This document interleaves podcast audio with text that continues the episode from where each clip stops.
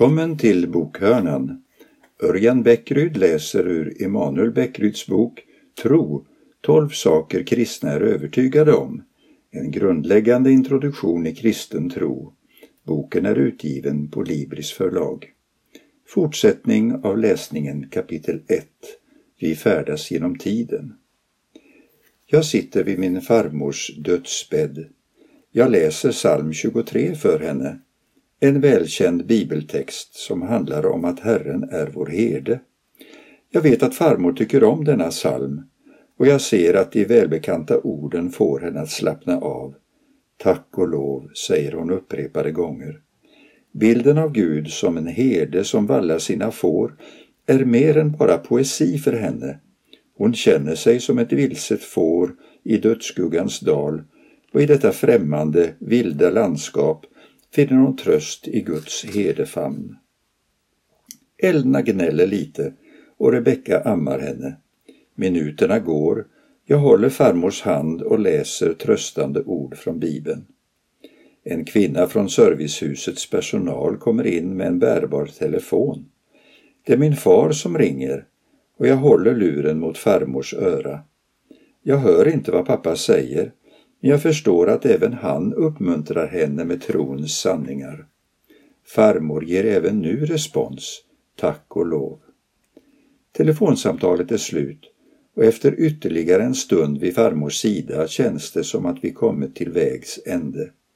Det är dags att säga farväl och jag vet att jag aldrig mer kommer att se henne vid liv på denna jord. Hon kommer inte att leva många dagar till. Hur avslutar man ett sådant möte? Farväl farmor, farväl säger jag. Och så börjar jag be Fader vår som är i himmelen. Jag hinner inte långt förrän farmor knäpper sina händer och ber högt med mig hela bönen igenom. Kort därefter lämnar jag rummet. Det sista jag ser när jag stänger dörren är att farmor på nytt knäpper sina händer. Det var en märklig känsla att sitta där i rummet, att hålla farmors hand samtidigt som jag såg på min lilla dotter. Generationerna växlar och livet går vidare. Och till slut kommer vi alla att gå ur tiden. Vi kommer alla att dö. Det finns ingen människa för vilken resan bara fortsätter och fortsätter. En dag tar resan slut. Det jag har skrivit är självklart men ibland behöver självklarheter sägas för att inte sjunka undan i glömska. Självklart, självklart, säger vi när någon säger att livet är ändligt och ändå lever vi allra flesta av oss som om vi vore odödliga. Det som till synes är självklart är svårt att hålla i minnet. Memento mori heter det på latin. Kom ihåg att du ska dö. Visst kan en överdriven fokusering på döden vara av ondo. Ja, den kan rent av vara sjuklig, ett tecken på djup depression. Men jag vill ändå hävda att vi går miste om något om vi lever som om döden inte fanns. Om vi vill leva ärligt och äkta måste vi komma till en punkt där vi slutar blunda för denna självklara men obekväma sanning. Det handlar inte om att odla en sjuklig pessimism utan att vara vis. Medvetenheten om vår dödlighet gör oss visa, som Bibelns 90 psalmtarpsalm uttrycker det. 70 år vara vårt liv, 80 om krafterna står bi. De flyende åren är möda och slit. Snart är allt förbi och vi är borta. Lär oss hur få våra dagar är, då vinner vårt hjärta vishet. Predikaren kan sägas vara Bibelns mest filosofiska bok. Ett centralt tema i boken är att mycket människor gör är ett jagande efter vind. Författaren vänder och vrider på tillvarons olika aspekter men ingenstans finner han något bestående. Han försöker finna mening i sin egen visdom och kunskap bara för att bittert konstatera att den som förökar sin insikt, han förökar sin plåga. Då försöker han njuta av livet och vara glad, men det är dåraktigt, sa jag om skrattet. Och om glädjen, vad tjänar den till?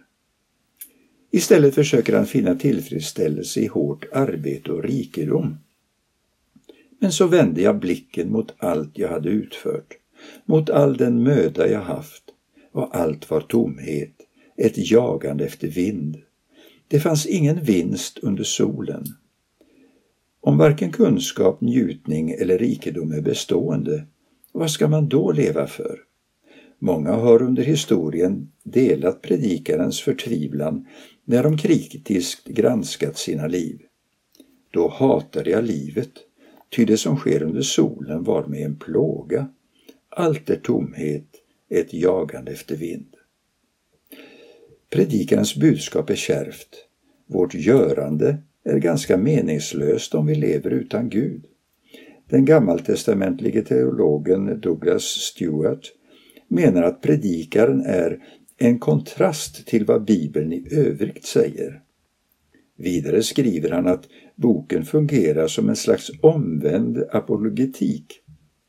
Den driver läsaren att fortsätta utforskandet eftersom svaren som läraren i predikaren ger är så nedslående. Det är endast i de två sista verserna som det vänder. Där läser vi. Nu har du hört allt och detta är summan. Frukta Gud och håll hans bud. Det gäller alla människor. Ja, för varje gärning ska Gud kräva räkenskap, också för allt som är dolt, gott som ont. Att frukta Gud och hålla hans bud handlar om att låta Gud vara i centrum för livet. Predikarens erfarenhet och budskap är att detta gäller alla människor.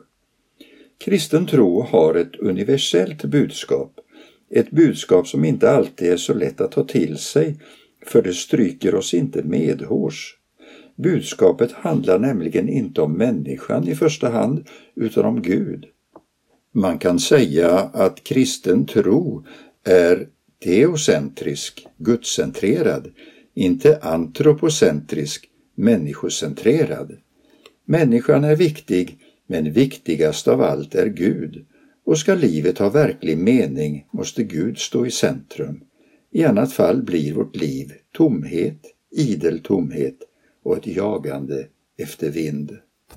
Jag har redan citerat tre böcker ur Bibeln, Klagovisorna, Saltaren och Predikaren. En central kristen övertygelse är att Bibeln har något viktigt att säga oss, att den inte bara är en bok bland alla andra böcker. Kristna ser på Bibeln som Guds ord. Vad innebär då det? Som barn älskade jag att läsa om seriefiguren Asterix. Hans äventyr i kampen mot romerska soldater och andra skurkar fascinerade mig. Berättelserna är roliga, underhållande och spännande. När jag som vuxen ibland läser den på nytt kan jag fortfarande njuta av teckningarna, språket och figurerna. Nyligen läste jag Asterix och det stora bygrälet. Det är en berättelse om osämja, svek och förräderi, men också om försoning och kärlekens makt. Asterix och hans vänner kommer till en by som är delad i två läger. Två hövdingar konkurrerar om makten vilket leder till att byns existens hotas. Turligt nog kan Asterix och hans vänner reda ut situationen. De bidrar till försoning och återupprättade relationer. I all sin enkelhet säger berättelsen mycket om den värld vi lever i. Jag älskade Asterix som barn och gör det också som vuxen. Jag är inte ensam om att tycka om berättelser. Människan älskar historier. Vi läser serier och böcker, går på bio, sitter i timmar framför TVn där berättelser av olika slag, filmer, såpoperor, serier spelas upp. Människan är en stor konsument av berättelser. Vi älskar att leva oss in i andra människors öden och följa dem under några timmar innan vi återgår till det verkliga livet. Varifrån kommer denna kärlek till berättelser?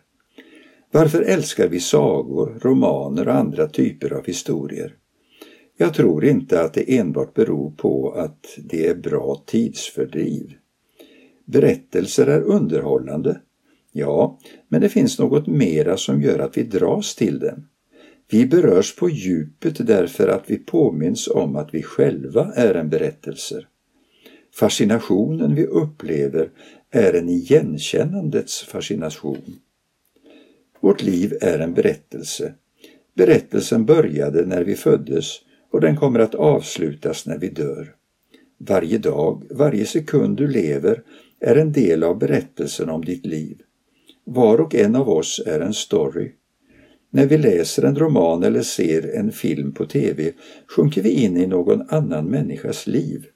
Därmed väcks något till liv djupt inom oss. Vi påminns om att vi själva är med och spelar i det drama som kallas livet. Det finns alltså lika många berättelser som det finns människor. Det är en hisnande tanke. Varje människa är en komplicerad story med mängder av utmaningar, beslut, dramatiska händelser och så vidare. Men inte nog med det. Den kristna tron kommer med ett avgörande och chockerande påstående. Den hävdar nämligen att det finns en övergripande berättelse som våra små liv är en del av.